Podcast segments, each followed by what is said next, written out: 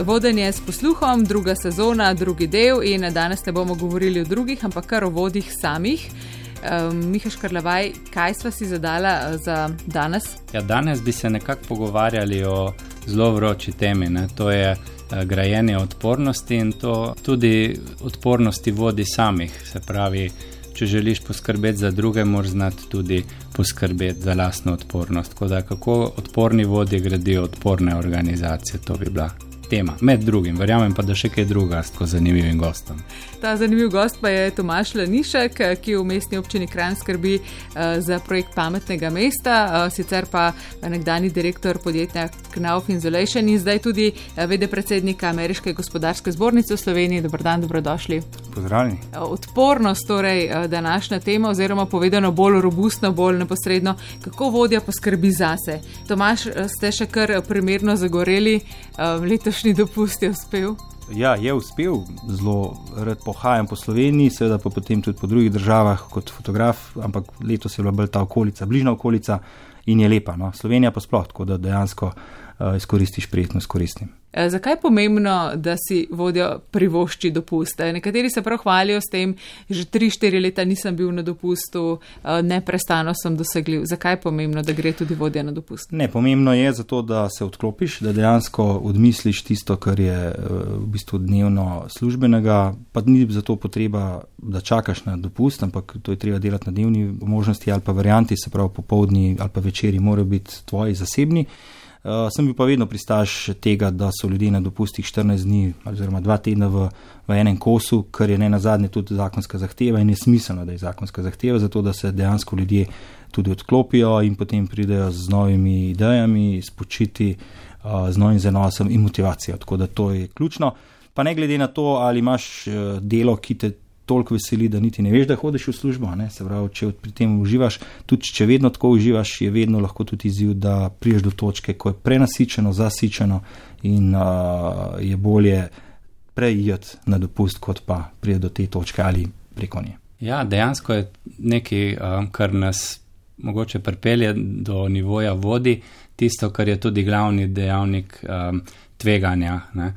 Za izgorelost. Vemo iz raziskav, da je od osebnostnih značilnosti ta vestnost ena, ki definitivno pač pomaga pri kariernem razvoju in uspehu, tudi pri vodjeh, druga je pa tudi um, ustrežljivost. Ne? In obe ti dve eh, osebnostni značilnosti v kombinaciji sta tudi zelo povezani z tveganjem izgorelosti. Tako da ta moda ki je prej obstajala, pa se zdaj še potencirala, kako je, ne, sorry, žurim, mm -hmm. ali pa kako je pomembno, da smo non-stop na voljo, pa non-stop uh, nekako aktivni, pa da delamo, ali pa da vsaj dajemo vtis, da delamo, je um, škodljiva zdravju posameznikov, tudi organizacijam pravzaprav ne koristi. In mi je zanimivo, ne, ker so, je marsikatera organizacija poročala zlasti v začetnih tednih uh, korone, da uh, opažajo zelo visoke ravni produktivnosti, pa zelo nizke ravni zadovoljstva z življenjem na splošno. In to mm -hmm. seveda ni dolgoročno vzdržen uh, model. Sobivanja in dela. Uh -huh. Predsednica Združenja menedžera Medeja Lončar je tudi v enem od pogovorov na valu 200 izpostavila, da delo od doma oziroma nadaljavo utruja na drugačen način, da enostavno si še teže privoščiš um, odklop ali pa vsaj nek mini klepet, ne, ko recimo na hodniku nekoga srečaš, pa se mimo grede malo spočiješ, malo odklopiš. Tomaš, kako ste vi doživeli uh, to obdobje? Z tega poslovnega dela ali pa bomo rekel iz profesionalnega dela je bila to ena odlična izkušnja. Uh, sploh, če govorimo recimo o javni upravi, digitalizacija javne uprave ali pa prehod na neke nove oblike dela, ne na zadnje na elektronsko podpisovanje dokumentov, ki je bilo še v začetku marca marsikomu malo lari feri ali pa nekaj nepotrebnega, se je potem izkazalo, da neka taka motna, kakorkoli je izziv, izziva polna, ne, je bila ena taka pozitivna vzpodbuda ali pa če rečemo po domače reklama ne, za digitalizacijo, ker si se čez noč moral spremeniti. Hočeš, nočeš. Mm -hmm. In se veliko krat uh, znajdeš v neki situaciji, da v bistvu delaš več, sicer si lahko porazdeliš in si vmes uh, vzameš nekaj odmora za praktična pravila, ampak se ujameš v tej zgodbi, da delaš absolutno več kot 8 ur na dan, mm. ki spet ni problematično, če v tem uživaš, samo dan je vseeno omejen na 24 ur, sploh če se še otroci šolajo doma. to imam tudi sam izkušnje, oziroma izkušnje tudi kolegov, da je to presneto izziva polno in tisti tedni so bili kar izziva polni in uh, je bilo kar nekaj stresnih situacij, tako ali drugače. Zdaj pa kako to rešiti, nadaljavo sploh izziv, ker kar naenkrat je bilo treba seveda komunicirati preko Zuma, MS Teamsov in ostalih. Mm. Spet ne mogoče prej, ker to ni bila potreba. Potem pa so se, ali pa smo se zelo hitro lahko navadili in nam to zdaj lahko pomeni seveda nek nov način dela. Zdaj vemo, da tako kot, tako kot je bilo, ne bo več, je pa treba pozitivne stvari iz tega ven vzleči in pa seveda popraviti tiste stvari, ki so šli tudi v tem obdobju nekoliko uh, na stran pot. Uh, je pa to priložnost, seveda, tempo življenja je hitrejši in tukaj se strinjam z Mihom, ne, dejansko je treba paziti na to točko izgorelosti, da do nje ne pride. Mm. Tako kot ekonomska fakulteta v Ljubljani uči, tudi AMD, kjer sem bil v Švici lansko leto, večji del leta, uh, uvaja te programe čuječnosti, mindfulnessa ne, in tako naprej, kar je bila neka tabu tema pred leti, ampak to je danes vsak dan in to je nekaj, kar je čist popolnoma normalno in je pač treba poslušati sebe in pa svoje telo in dušo. Ampak v osnovi telo prenese marsikaj, samo ne smeš priti preko te točke, ko, ko se snežna kepa počasi vrti, potem pa, ko dobi zagon, je težko ostati. Zdaj to seveda zveni um, dobro, ne? ampak kako pa dejansko potem um, v praksi, če se recimo spomnite kakšnega svojega dne, ko ste bili na čelu podjetja Knauf Insulation, um, toliko in toliko mailov, sestanki, um, neke krizne situacije, ki jih je mhm. treba rešiti, morda potem še kakšne naloge, ki ostajajo od uh, preteklih mesecev, ko niste odvisni sami od sebe. Kako dejansko umestiti to vse v svoj urnik, kdaj reči mhm. stop, uh, morda čisto kakšna takšna praktična uh, veščina za nadzorovanje urnika, ne vem, nekateri govorijo o politiki praznega uh, inboxa. Zdaj, srečno, ne tako. Ja, um, ki to uspeva več vrstna ali pa več kanalna komunikacija. Ne? Jaz imam vedno najrajš kar to osebno komunikacijo v živo. Ta mail je lahko marsikomu problematičen ali pa zelo nepraktičen. Ne je praktičen, ampak v osnovi za nujne stvari je vedno najbolje dvigniti telefon ali posebno, da nekoga in to urediti. Pri vsem teh zgodbi je ključna ekipa. Jaz sem vedno podaril pomen ekipe, če ti ekipa dobro dela, potem tudi lažje preživiš. Najslabše je, če moraš sam delati določene stvari, ki jih lahko pravijo drugi in dejansko se tukaj pokaže ta moč ekipe. Jaz sem recimo v tem podjetju sicer podedoval ekipo, ampak sem jo nadgrajeval tam, kjer je bilo potrebno. Vedno smo tudi zaposlovali in to delam kjerkoli že je, pa je to lahko nek klub, lahko neko društvo ali pa družba poslovna družba, ne, da moraš na svojo stran dobiti ljudi, ki so na eni strani motivirani, to jim vidiš v očeh, ali imajo neko iskrico ali ne, predvsem pa, če se le da, da so pametnejši od tebe na svojih področjih in se jim potem res umakniti, da delajo. Ne. Ker eh, če misliš, da si najpametnejši, potem so vse stvari, seveda, take, kot jih sam odločiš, ampak jih moš tudi večinoma sam narediti pa tam kar ni neke kolateralne odgovornosti, ampak se ve, kdo je kaj zavozil. In tudi ta sistem in to v Knaufu Insulation je bilo in tudi zdaj to, kar delamo, napake so dovoljene, ne jih ponavljati, nekaj se iz tega nauči. Ker v osnovi vsak od nas, kar dela, greši, ampak uh, samo na ta način lahko inoviraš, lahko napreduješ. In ko ljudi dobijo ta občutek, da ni zdaj neke kazni, če kje kaj se zalomi, ne, potem se dejansko uživijo to vlogo in tudi naredijo. Ne. Tako da to je tisti ključni del. Potem pa seveda ljudem pustiti svobodo in ustrež jim toliko, kot je pač še možno, zato ker ima vsak od nas različne motivacije. Ne. Čisti iz praktičnega vidika, nekomu je veliko pomenil, kakšen služben avto ima, nekomu kakšne vrste telefon ima, ne. nekomu je dodaten dan dopusta ali pa neplačen dopust, nekomu, da je lahko smučal do povdne, pa je popovdne delal in to so stvari, ki se dajo tudi urediti, ne vedno, ne, mora biti usklajeno s politikami, kadrovskimi in ostalimi, ampak če, če gledaš, ni treba zdaj zategovati tam, kjer ni treba, ampak ustreči z temi manjšimi stvarmi do ljudi in potem ljudje tudi začutijo in, in, in jih imaš na svoji strani. Zdaj, če jih pa nimaš, je pa seveda lahko to vedno odvisno od vodje, lahko ravno kemija ni ta prava ali pa. Je kakšen slab dan včasih, ampak to, to, če je kakšen dan, ni problem. Problem je, če več dni zaporedoma ali pa več tednov, to pa ni v redu. Ne? Skratka, razumem, da, da so ti časi nam dali nek pospešek mnogim spremembam, ključno z digitalno transformacijo in uh, urbano odpornostjo, pametnimi mesti, zelenimi tehnologijami, vse te stvari, katere so bile že nekako nastavljene prej.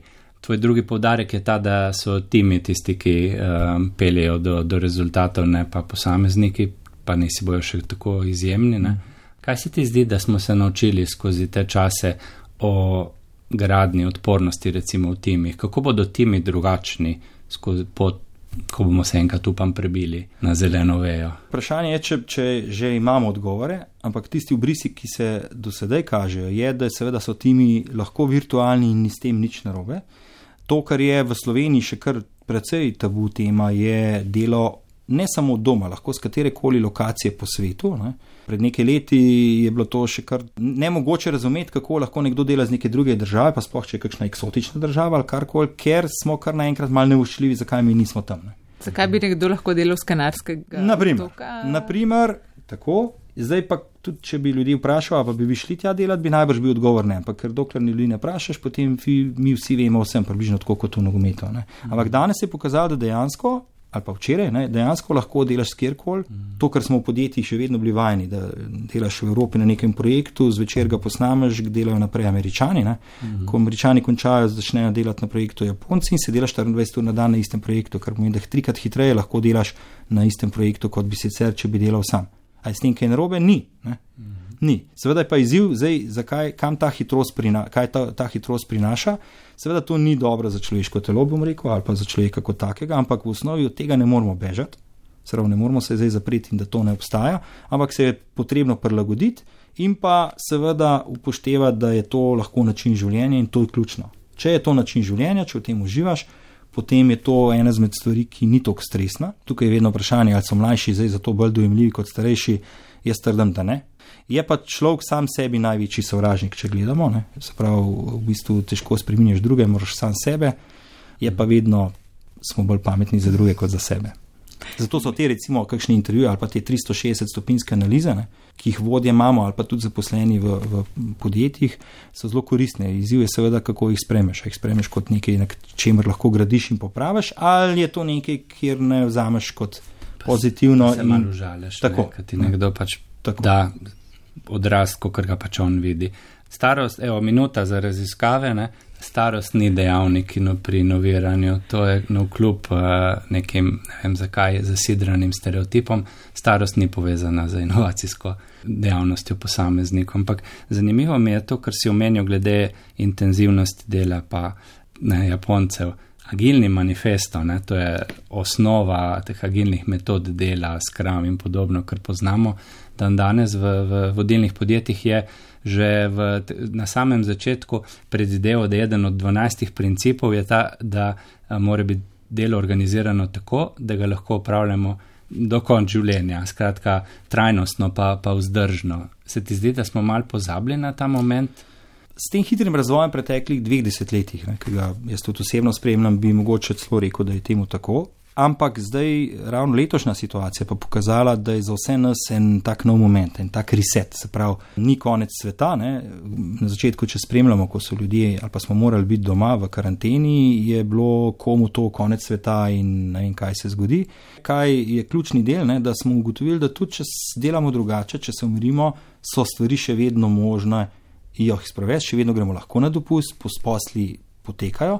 Moram pa vseeno reči, kot eh, bom rekel, predsednik Ameriške gospodarske zbornice, ker imamo kar veliko informacij od naših članov, da uh, so določene panoge, industrije pod hudim pritiskom in jim ni lahko.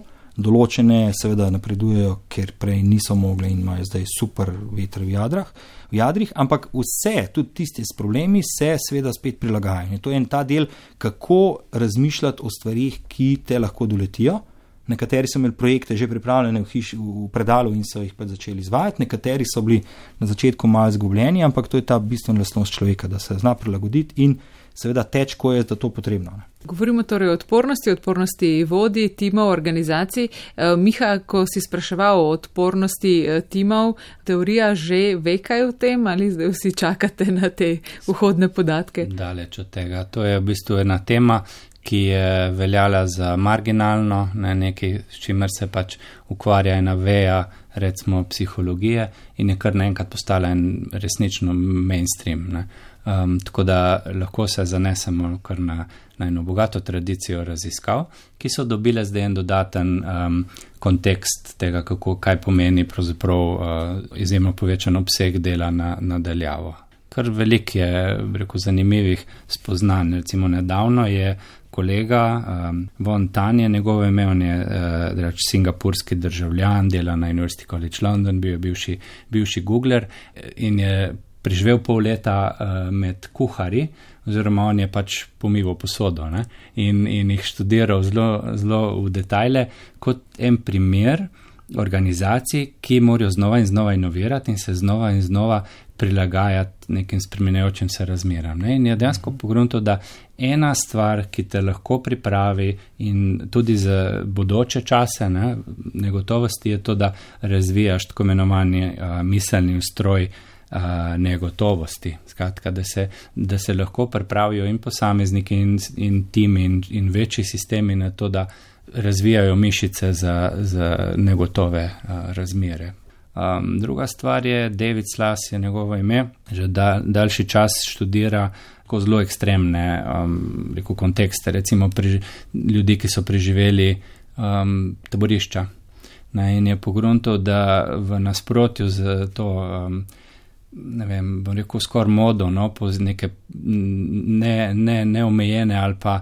Uh, pozitivnosti, ne, je, je dejansko rožnata očala ne pomagajo pri soočanju z težavami, ampak je najprej v prvi fazi pomaga recimo neka coaching vprašanja, da se človek uh, sooči z realnostjo. V drugi fazi pomagajo vprašanja, ki uh, povežejo ekipo, skratka, da se tudi tisti, ki recimo trpi, da se zaveda, da ni sam v tem. Tako da veliko enih zanimivih spoznanj, še večjih nastaja mislim, da, da je kar vredno imeti antene uh, prižgane in, in se zelo, zelo intenzivno učiti v teh časih, mhm. kaj, kaj lahko zvemo o, o odpornosti. Uhum. Kako lahko vodja spodbuja ta miselni ustroj uh, negotovosti oziroma kako naj bi to potekalo potem dobro, zdaj za neko restauracijo si predstavljamo, uhum, uhum. morda še za kakšno podjetje, organizacijo, ja, fakulteto. Re, Ja, tudi, tudi nas, ja, prav gotovo, tudi mi smo organizacija in to organizacija z mnogimi deležniki. Recimo neke metode, ki pomagajo, so dejansko prihajajo tudi iz, iz in, področja inovi, inoviranja. Ne? Se pravi, vemo, da ne pomagajo neki dolgoročni plani z zafiksiranimi mejniki, ampak pomagajo metode, ki so predvsej bolj eksperimentalne in, in iterativne. Skratka, da um, se zavedaš tega, da pač ne samo, da ne veš, kakšen je odgovor, tudi vprašanje nisi čist siguren, če je ta pravo. Skratka, ne moramo investirati dve leti v to, da bomo vedeli, ali, ali nam je uspelo ali ne, neke klasični pristopi, ali pa pet, ne, klasični pristopi k strategijam, ampak da si pač poskušamo z nekimi krajšimi iteracijami zbrati ravno dovolj nekih podatkov, spoznanj, zato da vemo, ali je to smer, v katero gremo, če ni, obrnemo, ne? obrnemo smer, poskusimo nekaj drugega, naredimo en tak uh, manjši eksperiment, se učimo in, in gremo dalje. Neka agilnost v organizacijah, agilnost v mišljenju posameznikov in timov je tisto, kar uh, je del te. Te sestavljanke. Kar zadeva pa same te agilnosti, oziroma tudi same odpornosti, je pa dejansko potrjujem. Ne? Jaz sem imel pač ta privilegij lansko leto, ko sem lahko šel to, kar tudi občasno lahko delate profesori, se pravi na, sobotno, na sobotno leto oziroma na študijski dopust, kjer si ga po nekih 20 letih karijere res pride prav.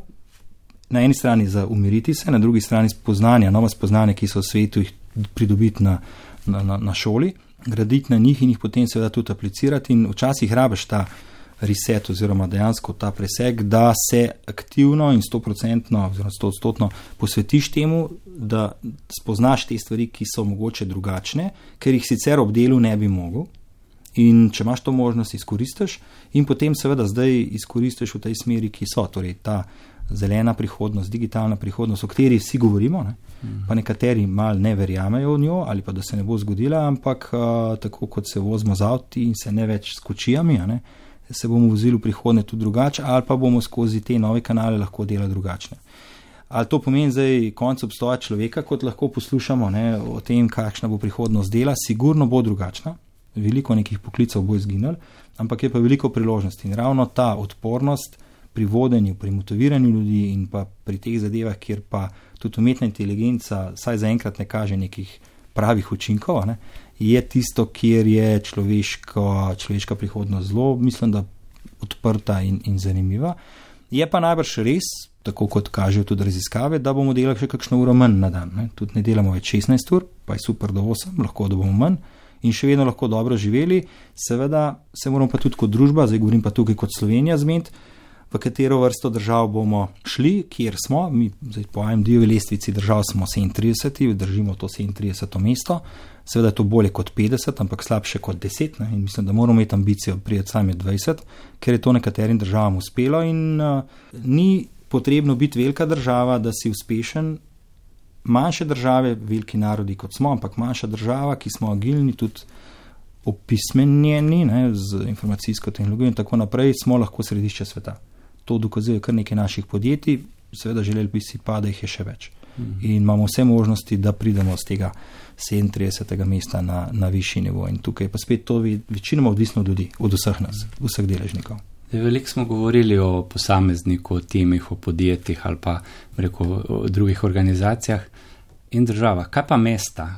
Kako vidiš prihodnost mest, recimo iz te vloge, katero zdaj, um, zdaj zasedaš? Kako graditi odporna mesta?